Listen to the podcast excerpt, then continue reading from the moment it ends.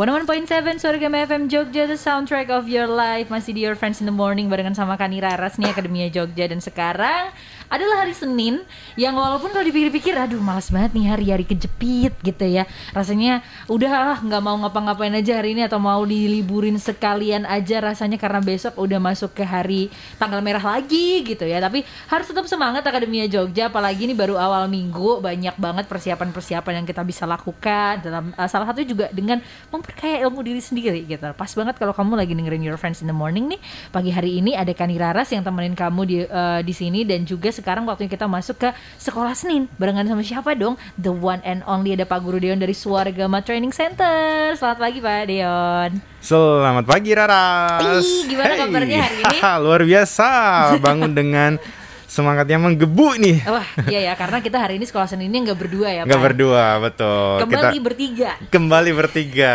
ada penyiar baru nih. Ada ada penyiar baru tapi bukan sebagai murid Akademia Jogja. Jadi aku tetap muridnya aku sendirian hari ini, gurunya dua gitu. Iya, karena guru yang satu ini dulu mantan penyiar juga sebenarnya. Oh iya iya iya Yes. iya iya, iya. Jadi kembali ke radio lagi Kembali ya. ke radio lagi. Langsung kita sapa mungkin atau gimana nih? Boleh, langsung kita Oke. sapa saja. Selamat pagi Pak Riza Perdana Kusuma. Hai, apa kabar Mbak Rara? Wah, baik Pak. Lagi apa di kabar Mas Dion? Baik Pak, luar biasa. Pak Risa gimana kabar? Alhamdulillah menyenangkan sekali. Sehat ya Pak semuanya. Gimana nggak menyenangkan? Hmm? Gimana nggak menyenangkan? Karena eh, kerja dari rumah, berkantor di rumah, semuanya di rumah. Jadi indah banget kan dapat duit di rumah. Jadi Pak Riza ini adalah salah satu yang enjoy banget ya bisa work from home ya nggak Pak? Eh, saya malah mendahului work from home. Oh, I see. Oke, oke, oke, oke. Kalau gitu, lagi di mana nih Pak? Di. Ini di kamar kerja saya. Oh, mantap. Oke. Di- Jadi Akademi Jogja kita Saya ada di eh, Jogja, Mbak Raras. Oke, oke, siap. Kita kita ngezoom ini. Jadi eh, Pak Risa ada di rumah kami ada di studio demi untuk eh, sharing dengan Akademi Jogja semua sih. Bener banget. Jadi eh, perkara untuk hari ini topiknya kita sudah singgung di minggu kemarin juga Yes, ya Pak betul. Dion ya. Ini kemarin kita ngomongin soal eh, I hate my job. Bener, I hate my job. Dan di minggu ini kita ngomongin biasanya kalau I hate my job tuh kecenderungannya kecenderungannya. adalah mau resign Mau buru-buru resign, gitu yes, betul. Ya Pak Riza, biasanya gitu gak sih Pak? Eh, saya cuman jadi nggak enak gara-gara eh, memang waktu itu saya resign, kemudian saya bikin podcast tentang resign, Mm-mm, mm-mm. kemudian saya bikin kelas tentang resign. saya dibilang orang yang kampanye untuk resign, padahal enggak. Duta resign ya Pak Duta ya? resign. Padahal enggak ya Iya. Iya iya iya. Nah kita bakal ngobrolin soal resign nih Akademia Jogja. Mungkin buat kamu yang relate, yang lagi ngerasa, aduh resign gak ya? Tapi lagi pandemi dan satu dan lain hal juga kayak resign gak ya? Tapi udah nggak betah segala macam. Nanti kita bakal obrolin semua di sini. Barangkali kamu mau sharing-sharing dulu nih ke 0811 250 1017 gitu. Nah tapi sekarang kita ngobrolin dulu gini. Eh, mungkin ke Pariza dulu kali ya Pak Guru Dewan Yes, ya. betul. Pak Riza, menurut Pak Riza nih uh, titik atau tolak ukur yang pas gitu ketika kita memutuskan untuk resign tuh ketika kita udah ngerasa gimana sih Pak Riza gitu. Iya, sebetulnya resign, kebetulan resign ini juga nanti saya pengen buat buku tentang resign ya. Hmm. Hmm. Resign itu kalau kalau arti harfiahnya, aduh, Mm-mm. Serem banget. Arti arti clearnya itu kan Mm. biasanya quit ya atau cabut dari pekerjaan. Padahal kalau dalam konteks saya itu Mm. ada empat hal yang membuat kita keluar satu, memang kita benar-benar resign. Hmm. Kemudian kedua, kita pindah ke perusahaan lain, dapat promosi, itu kita resign Hmm. dari tempat kita bekerja saat ini. Kemudian yang ketiga, eh, kita misalnya eh, tidak eh, apa misalnya kita eh, apa ya berhenti karena kondisi. Mm-mm. Atau yang terakhir berhenti karena karena mati itu juga resign sebetulnya. karena prosesnya itu hampir sama Mm-mm. dari HR Mm-mm. itu biasanya akan berpikir bagaimana dia wrap up dari pekerjaan si anak ini. Mm-mm. Kemudian yang kedua, bagaimana dia memproses untuk orang eh, yang mau masuk baru nanti. Hmm, Kemudian proses dia onboarding. hmm. Jadi sebetulnya resign itu tidak tidak selalu dalam konteks bahwa kita nggak happy kemudian kita cabut Hmm, hmm, hmm. gitu. Sebetulnya Oke. seperti itu. Hmm, hmm, hmm, hmm, hmm, hmm, hmm. Jadi uh, nggak melulu dikaitkan dengan hal-hal yang di di lingkungan pekerjaan tidak menyenangkan gitu ya Pak Riza ya. Tapi bisa jadi Iya, tap- hmm, hmm, naik kelas Iya. gitu nggak sih Pak? iya, iya, iya. Naik kelas bisa jadi. Tapi yang lucu nih Mbak Raras Mas Hmm. Deon. Kenapa tuh? Eh, data terakhir yang saya dapatkan itu eh, bahwa di masa pandemi ini ada 4 juta anak muda yang resign Uh. dan seperti yang Mbak Raros bilang tadi Itu lagi tren Re- resign ya Pak ya, bukan bukan karena PHK atau di di layoff gitu ya? Enggak, resign. Resign ya, masa-masa resign. Kayak ini gini resign beneran, banyak yang ya. resign ya. Iya, ini resign yang kategori pertama tadi. Hmm. Ada 4 juta orang itu dari hiringjob.com dan itu memang bilang bahwa eh, mayoritas Hmm. tren anak-anak saat ini Hmm. memang maksimal dia 2 sampai 3 tahun di sebuah company. I see. Hmm, Hmm, Oke, hmm, Rara sudah berapa tahun? tiga tahun sih. Tiga tahun. Iya. tiga tahun sih ya. Iya, Gak iya. semua ya Pak ya, gak semua ya Pak ya. Gitu. Oh, ya, eh, buat Akademi Jogja yang belum tahu tentang Pak Risa ini, Pak Risa ini sudah beberapa kali eh, ikut di sekolah Senin kita dulu. Betul. Dulu ada Dito sama Dito juga, sama Hmm. Cici juga, sekarang sama sama Raras. Jadi Pak Risa ini beliau adalah eh, mantan salah satu presidir di BUMN, salah satu BUMN di Indonesia lah ya. Hmm, Terus kemudian yang menariknya, beliau ini memutuskan untuk eh, resign atau sebenarnya eh, kalau semisal beliau berkata itu pensiun dini sebelum eh, apa namanya masa bakti aslinya itu eh, eh, datang gitu loh. Jadi memutuskan untuk resign dulu di tengah puncak karir beliau Iya iya iya. untuk kemudian mengabdi kepada masyarakat karena tujuannya bukan lagi untuk mencari materi, mencari kedudukan, tetapi tujuannya adalah mencari surga. Hmm. Makanya eh, ini pas banget ini kita ngobrolin tentang eh, resign. Tadi Pak Pak Risa juga bilang bahwa kayaknya pakarnya dari resign itu Pak Risa karena eh, posisi lagi oke-okenya, lagi di atas-atasnya BUMN lagi gitu ya. Resign itu eh, kok bisa gitu loh. Hmm. Berarti kalau dulu Pak Riza masuk yang ke kategori karena ingin itu ya, karena ingin fokus untuk Nah nggak tahu, beramal. tanya aja Kita eh, kalau kalau Pak kali Risa. ya. Gimana nih kalau Pak Riza mengkategorikan diri sendiri berarti yang mana nih Pak? Saya sebetulnya eh, apa untuk yang eh, sa- resign itu sebetulnya resign dalam kategori yang pertama tadi sebetulnya reasonnya itu ada kalau saya catat nih ya saya punya ada lima Hmm. itu ada better opportunities for advancement Hmm. kemudian yang kedua return untuk ke apa ya, return to school Hmm. dia pengen kembali ke sekolah Hmm. kemudian yang ketiga adalah spouse reason jadi Hmm. biasanya kan ada suaminya tugas ke mana Oh betul. Hmm. istrinya Hmm. seperti apa gitu Hmm. kemudian yang keempat adalah kategori want more money Hmm. Kemudian Hmm. yang kelima adalah children. Hmm. Nah, saya itu masuk kategori yang per- yang pertama. Jadi better opportunities Hmm. For um, advancement. Advancement itu artinya bahwa saya pengen elevate diri saya Mhm. sendiri. Hmm. Saya pengen mendapatkan pengalaman yang lebih luas, yang Hmm. lebih bebas Mhm. dibanding pada saat saya 25 tahun pure nangani BUMN. Hmm. Dari pagi sampai malam saya tetap fokusnya kan ke office ya, Mhm. ke, per- ke pekerjaan, ke target. Nah kalau sekarang Mhm. saya bisa seperti wisata, Mas Dion, Mbak. Iya. Mbak Kenapa adalah tuh, salah Mbak? satu salah satu saya salah satu orang yang tidak merasakan burnout Oke. karena meskipun di eh, ruang kerja ini dari jam setengah lima pagi start kerja saya Hah? sampai jam 10 sampai jam 11 Hah? saya habis ini saya eh, eh, menghandle sebuah perusahaan eh, jewelry. Hah. Saya kontrak eh, saya kontrak cukup lama untuk advisor. Hmm. Kemudian nanti siang saya menangani rumah sakit. Hmm. Kemudian nanti malam saya rumah sakit lagi. Tapi nanti sore saya lagi ngurusin bea- eh, program beasiswa saya. Hmm. Kemudian nanti jam 5-an saya ngurusin besok malam saya akan bedah buku di eh, di organisasi besar di Indonesia. Weh. Jadi dalam satu hari itu yang saya kerjakan beragam. Gitu. Jadi saya kayak tur meski ruangan gitu kan.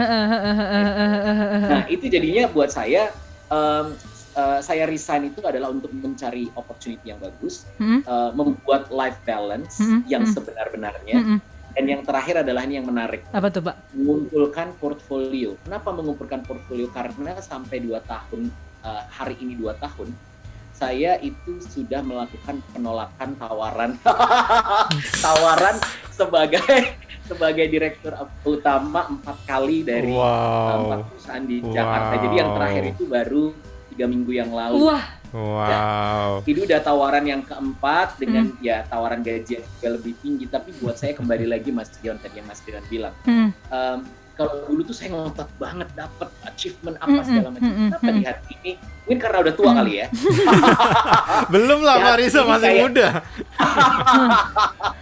Di hati ini kayak ada ada perasaan kayaknya ini bukan yang saya cari Oke. gitu. Nah, yang lucu adalah istri saya. Hmm. Istri saya itu uh, salah satu supporter bes- terbesar, Hmm. supporter terbesar. Hmm. Dia mengatakan ini ada tawaran.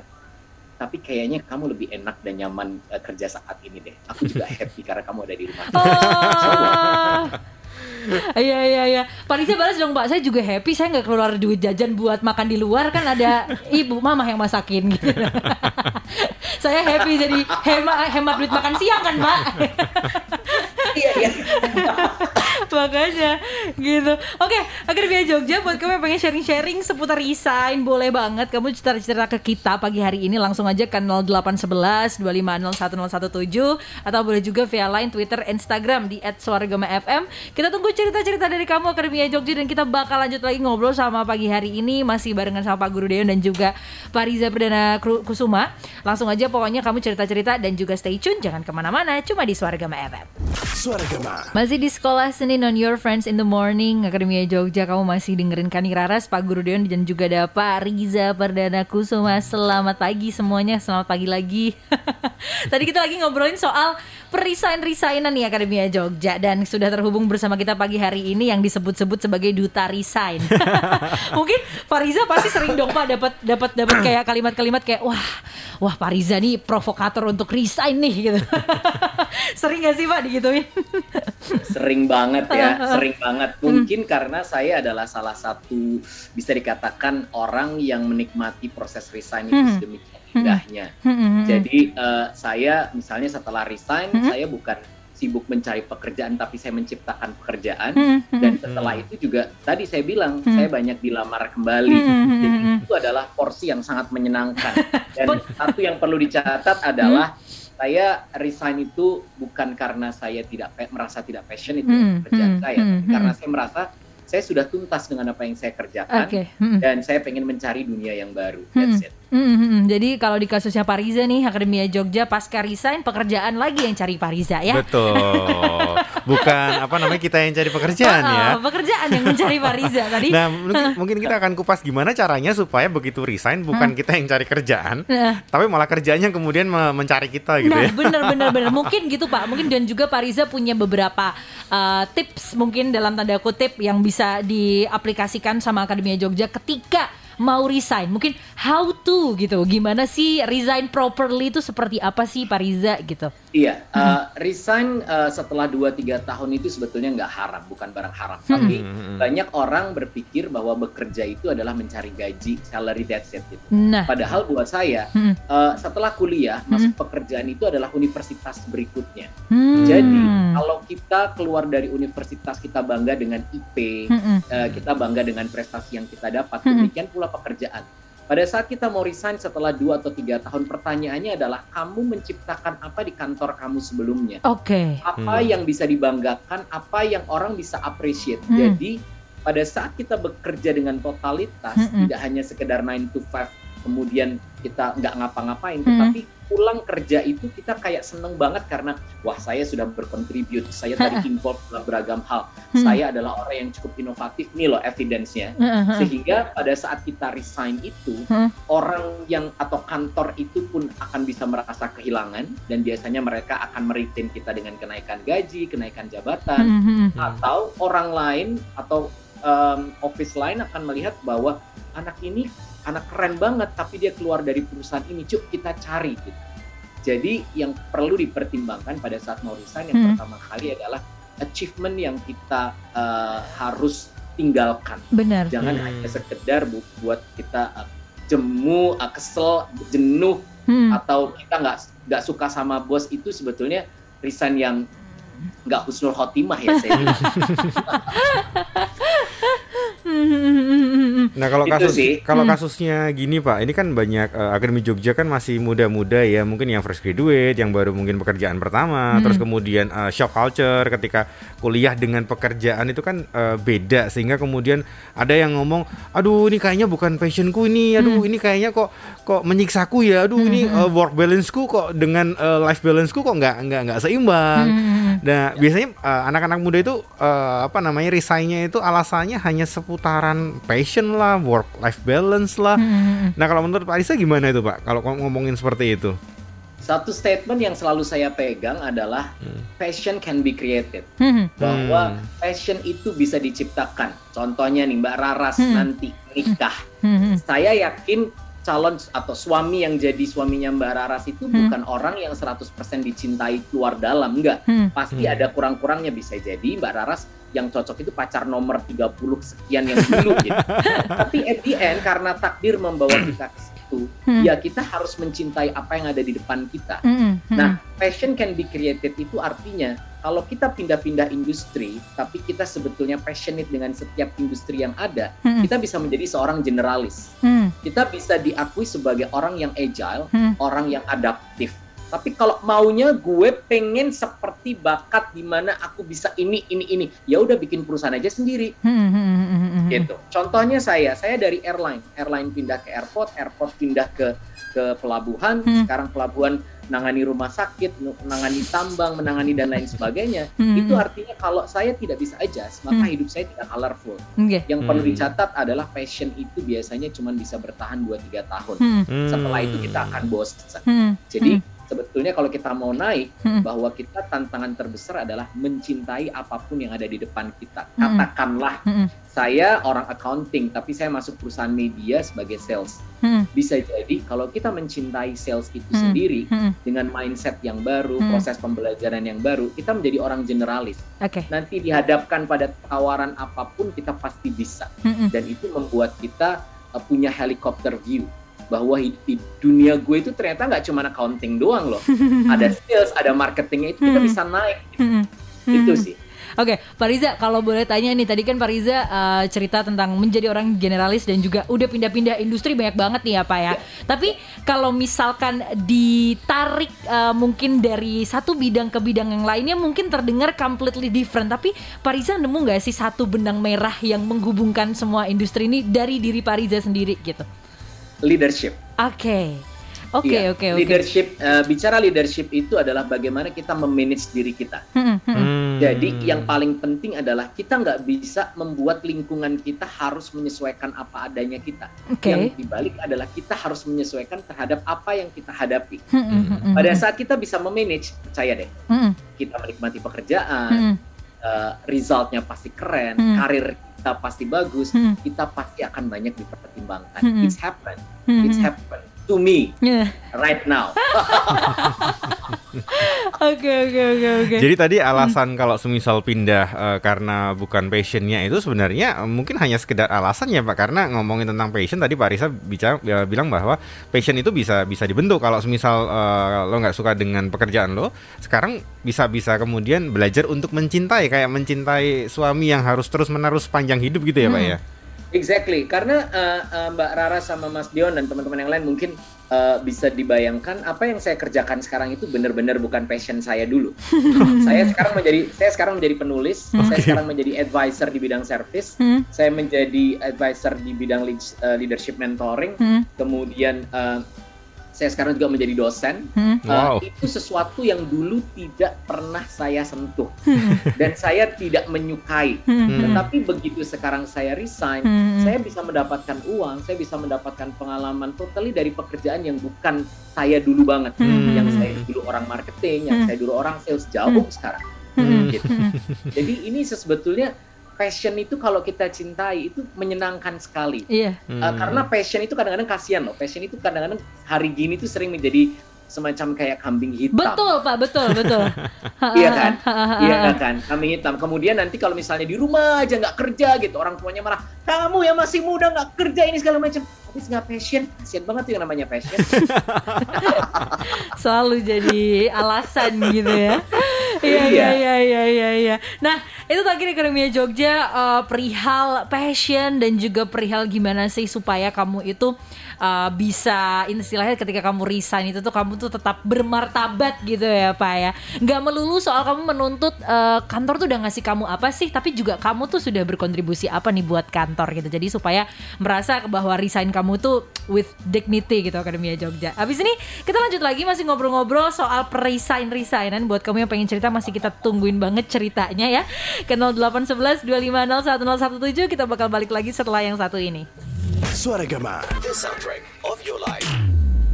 101.7 Surgama FM Jogja The Soundtrack of Your Life. Masih disiarkan langsung dari Kompleks Wisma Kagama Blok G Yogyakarta. Your Friends in the Morning Dan masih di Sekolah Senin Akademia Jogja. Barengan sama Pak Guru Dewan dan juga Pak Riza Perdana Kusuma. Kembali lagi tadi kita sudah ngobrolin soal Gimana sih cara resign yang baik Dan uh, apakah resign itu apakah kenapa resign selalu dikait-kaitkan dengan passion passion passion gitu? Padahal kadang-kadang uh, memang itu cuman kambing hitam aja gitu akademi juga cuma jadi alasan aja gitu. Karena ya seperti dikatakan oleh Pak Riza tadi passion can be created gitu. Nah sekarang kita lanjut lagi ya. Berarti Pak Yes, Guru Deon masih ngobrol-ngobrol ini uh, tadi kita ngobrolin soal resign dan Hmm. ngobrolin soal uh, passion dan segala macamnya gitu. Hmm. kalau sekarang nih Pak dari pihak yang diresignin cia Oh diresignin iya betul betul betul. dari pihak yang maksudnya ditinggalkan gitu Karena tuh. karena biasanya kalau ngomongin tentang resign itu adalah dari sudut sudut pandang karyawan kan Setuju yang harus banget. gimana resign dengan baik, Heeh. meninggalkan prestasi. Heeh. Tapi kadang kita lupa untuk melihat juga dari sisi eh, HR mungkin ya Benar, atau sisi benar, perusahaan. benar-benar So mungkin Pak Pak Risa bisa bisa apa namanya karena Pak Risa juga pernah jadi presiden direktur, pasti pernah dong mecat gitu dan eh, mungkin buat HR HR di di luar sana yang mendengarkan ini bisa belajar nih dari eh, apa namanya pakar yang mungkin pernah memecat tuh gimana Pak dari dari sudut HR gitu Pak. Iya, iya, eh, ngadepin eh, generasi milenial dan eh, generasi Z eh, itu Z gen- generation itu kayak ngadepin pandemi sih. Kadang-kadang memang kita-? Eh, iya, mereka akan datang tiba-tiba dan mereka akan menyebar dan at the end memang kita kadang-kadang harus berdamai. Hmm. Kita Hmm. menyelami tetapi tidak perlu tidak perlu dengan stres tapi Hmm. dengan prokes yang aman. Mm-mm. Eh, banyak teman-teman HR di beberapa company besar pun itu eh, berupaya mencari cara supaya bagaimana bisa meretain karyawan yang muda-muda itu supaya tetap stay Mm-mm. longer gitu. Hmm. Mhm. Tapi kalau saya bilang eh, retention itu it's like apa ya? eh, losing battle. Mhm. Jadi Hmm. lu get nothing gitu. Hmm. Ngapain kamu cegah-cegah? Ngapain kamu dorong-dorong untuk mereka bertahan dengan bikin program ini itu Hmm, ini itu gitu. Hmm. Karena mereka itu akan mengalir ke tempat yang akan mereka tuju dan mereka perkirakan mereka akan mendapatkan opportunity yang lebih baik. Mhm. Mereka akan mendapatkan kebahagiaan yang lebih baik di tempat yang lain meskipun Mhm. Dari sisi saya sebagai orang yang sudah banyak pindah-pindah tempat Mhm. tidak ada rumput tetangga yang lebih hijau. Dia pengen pindah ke perusahaan yang lain Hmm. dengan harapan lebih baik, ternyata enggak penyakitnya sama aja. Gitu. Mhm. Jadi buat saya yang paling penting itu adalah HR itu sebetulnya strateginya bukan untuk meritain, Hmm. tapi Tapi- bagaimana men- da- jadi menyederhanakan proses onboarding, Mhm. menyederhanakan proses induksi dari Hmm. karyawan tersebut, Mhm. kemudian sejak awal itu em, menanyakan dalam proses interview itu purpose mereka Oke. apa sih yang diinginkan oleh mereka kemudian secara regularly mereka mereka harus melakukan survei terhadap kepuasan kerja mereka Mhm. dan kemudian melakukan adjustment oh Oke. mereka Hmm. itu sukanya seperti nah itu sebetulnya poin-poin yang mereka harus kita kembangkan karena jujur saja kalau kita selalu menghitung proses penggantian proses uh, onboarding karyawan itu menjadi sesuatu yang mahal ya Hmm. kita sederhanakan saja kita efisiensikan aja Mhm. karena itu tidak akan pernah bisa dibendung meskipun beberapa tempat juga sampai ijazahnya ditahan segala Hmm, macam mereka iya. tetap loh tetap mereka nekat loh ya mereka lebih punya kebebasan saat ini Iya. Hmm.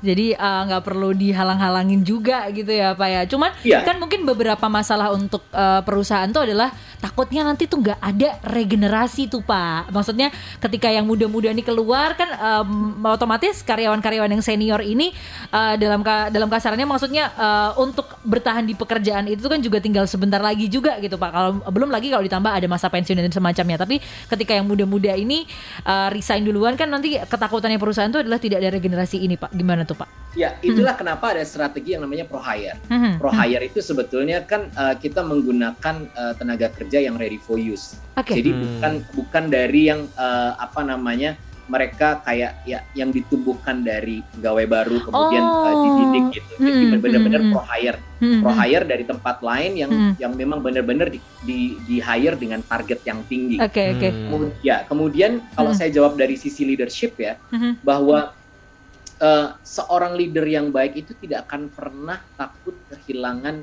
leader terbaik. Oke. Jadi kalau tadi Mas Glon tanya kepada saya, bagaimana pengalaman saya, orang-orang terbaik saya pada saat mereka menyatakan resign kepada saya, saya bilang that's a great job. Hmm. So find your find your your future Mhm. through your uh, internal calling. Kalau memang Mhm. panggilan kamu memang kamu mau pindah, no problem.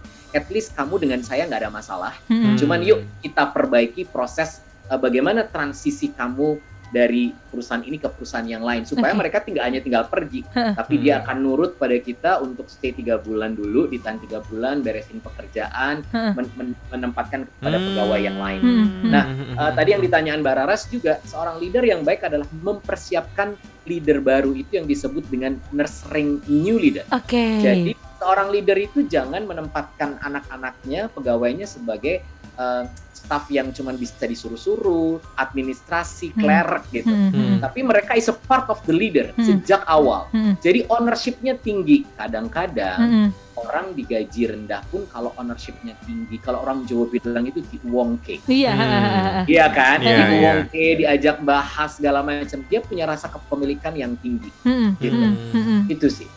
Iya ya, jadi self of belongingnya juga ada gitu ya pak ya. Hmm. Iya, Eh, iya. eh, eh, eh, eh. iya. Dan berarti HR sekali lagi eh, ketika punya karyawan eh, bukan untuk menahan apa si karyawan ini semakin lama di di kantor ya pak ya. Hmm. Dalam arti Iya. ketika memang si karyawan ini pengen eh, move dari pekerjaannya atau pindah dari kantornya.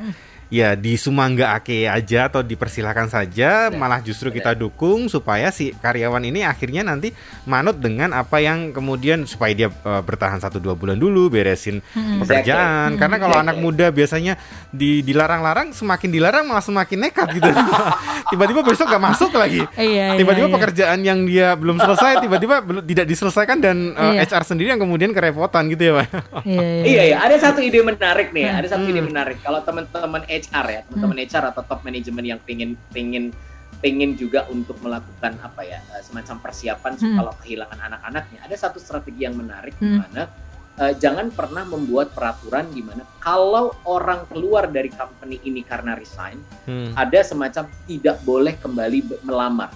Oh. Hmm. Ya, itu itu tolong please jangan dilakukan itu Hmm. karena tadi saya bilang rumput tetangga nggak pernah ada yang lebih hijau. Hmm. pada saat anak baik eh, yang terbaik kita keluar ternyata dia nggak happy di tempat lain dan Hmm. merasa happy di tempat kita dia akan melamar balik Hmm, hmm, Hmm. dan ini sekarang banyak sekali terjadi hmm, hmm, hmm. jadi it's true bahwa kita membuat nyaman anak-anak yang ada yang bekerja dengan kita saat ini Hmm. itu adalah salah satunya adalah eh, menanyakan purpose mereka membuat nyaman mereka itulah Hmm. sebetulnya Hmm. re- eh, reason kenapa Google Hmm. Google itu uh, menciptakan uh, perusahaannya dengan segala macam pernak-pernik uh, pernak-pernik yang benar-benar anak muda banget lah, yang Hmm. nggak formal banget itu Hmm. salah satunya adalah kemudian adalah istilah hol holokrasi. Holokrasi itu bagaimana Holokrasi. sebuah ya sebuah um, proses bekerja tapi tidak ada hierarki, nggak ada Oke. an- nggak ada nggak ada bos, Hmm. nggak ada formalitas, hanya ada koordinator. Itu Hmm. sebetulnya memberikan ruang untuk mereka berekspresi. Hmm, hmm, hmm, hmm. Kalau ini kita ciptakan sesuai dengan sesuai dengan eh, apa namanya tren yang ada di mereka, Hmm, Hmm. hmm. saya yakin eh, kita akan bisa menunggu kembalinya orang-orang terbaik kantor kita lagi. Wow, Oke, wow, kayak wow, gitu. wow. Keren Dan- banget, keren banget. Dan Akademi Jogja, Akademi Jogja besok kan tanggal 17 Agustus ya. Hmm, hmm. Jadi eh, mungkin ini saat yang eh, tepat untuk kembali memikirkan pekerjaan kita.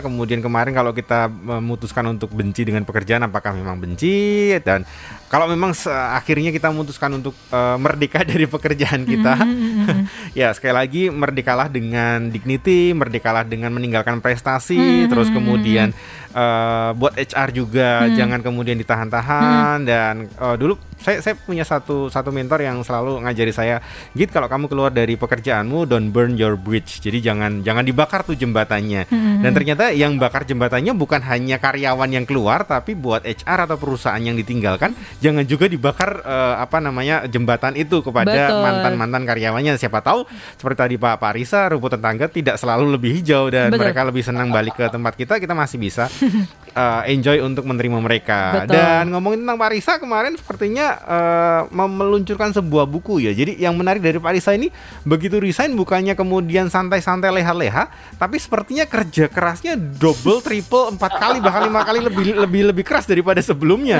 dan memunculkan banyak karya dan ada ada buku yang sepertinya belum launching kalau boleh Pak di di di apa di prolog-prolog dulu lah di, diperkenalkan Oh, iya, ke iya, Akademi iya. Jogja Ini- nih. Iya, ini adalah buku saya terbaru. Eh, ini dipublish oleh Republika. Jadi kalau buku pertama oleh Gramedia, Hmm. buku kedua adalah Republika dan Hmm. teman-teman eh, Akademia eh, Jogja, saya kebetulan adalah salah satu orang bisa mencapai mimpinya karena saya bukan penulis, tapi begitu saya menulis, Hmm. cita-cita tertinggi saya adalah saya harus menaklukkan eh, label-label majornya Oh. Jadi ini uh, buku pertama Cahaya di Tirai Sakura itu dipublish oleh Gramedia. Ini buku kedua saya Hmm. karena memang uh, temanya agak sedikit religi, Hmm. romantisme haji dan romantisme tanah suci. Jadi ini buku Uh. tapi dua cover bolak-balik. Oh, Oke, menarik Oh, menarik. jadi- Romantisme haji dan Dan romantisme romantisme Haji dan tanah romantisme suci. tanah suci. Wow. Jadi ini uh, 200 halaman adalah tulisan saya Hmm. tentang pengalaman berhaji tahun 2019 kemarin dan berbagai macam referensi yang saya baca hmm. sehingga saya menikmati haji itu dengan keindahan bukan terpaksa, bukan Wow. takut Hmm. dan uh, ini saya saya tulis sebagai orang yang saya pengen saya Islam KTP sejujurnya saya orang yang dari sejak lahir Islam Hmm. jadi Hmm. saya bukan uh, lulusan pesantren dan lain Hmm. sebagainya tapi Hmm. masa iya sih panjang hidup saya untuk agama saya saya tidak tidak menciptakan karya Hmm. alhamdulillah Hmm. berhasil Hmm. dan yang buku romantisme tanah suci Hmm. kumpulan dari 18 penulis yang saya undang Hmm. melalui sosial media saya Riza Oh. Perdana Kusuma untuk menulis bersama. Nah, pengalaman yang menarik adalah ini pertama kali saya menjadi penulis sekaligus redesign. Jadi Oke. berkolaborasi dengan Hmm. tulisan-tulisan Hmm. teman-teman yang belum pernah menulis. Jadi ini Hmm. PR cukup berat buat saya dan Wow. alhamdulillah Republika menerbitkannya. Eh, Wow. Selamat Riza.